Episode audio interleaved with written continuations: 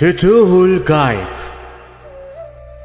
Sultanül Evliya Gavs-ı Azam Abdülkadir Geylani Hazretleri 62. Makale Sevgi, sevilen ve gereği Acayiptir.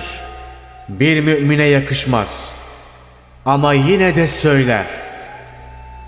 Falan yakınlık kazandı veya uzaklaştı. Falana dünyalık verildi veya iflas etti. Şu adam zengin oldu veya fakirleşti. İşte şu adam var ya, o büyüdü yahut küçüldü. Şu insanı görüyor musun? İşte o dillere destan oldu yahut unutuldu. Daha bunlar gibi birçok sözler. Hepsi dedikodu cinsinden.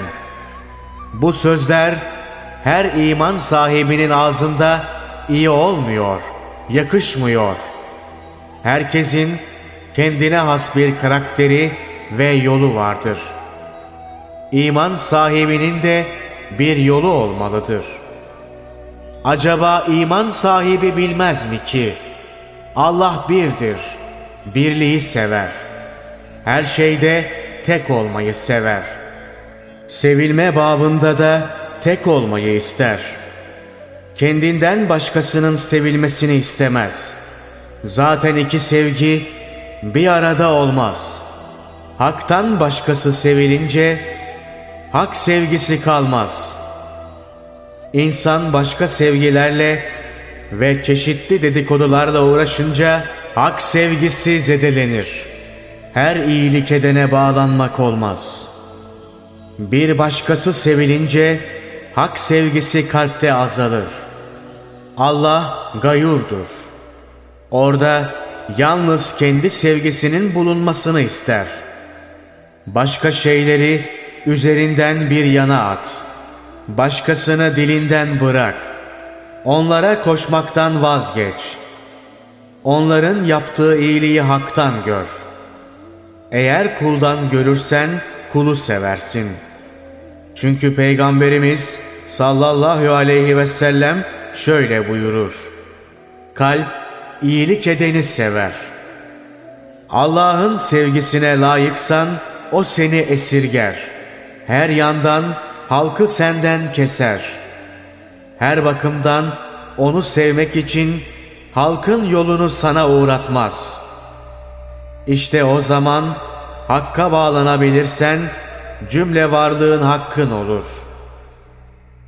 Biraz kendini dene. Yalnız hakkı sev. Göreceksin ki yalnız hayrın ve şerrin sahibi Allah'tır. Bu halinde ilahi bir cezbe gelir, nefsin de yok olur. İlahi varlığın gayrisi yok olur gider. İşte o zaman sana hayır elleri açılır. İlk bakışta dünyalık işler senin için bol bol olur. Diller seni över. Herkes senin arzun olmadan yardıma koşar. Ahiret işlerin daha başka olur. Orası senin için tadına doyulmaz bir yer olur. Hakka bağlan, ona karşı edepli ol, seni gözeteni gözet. Sana yar olana sen de yar ol. Seni seveni sev. Seni çağırana koş.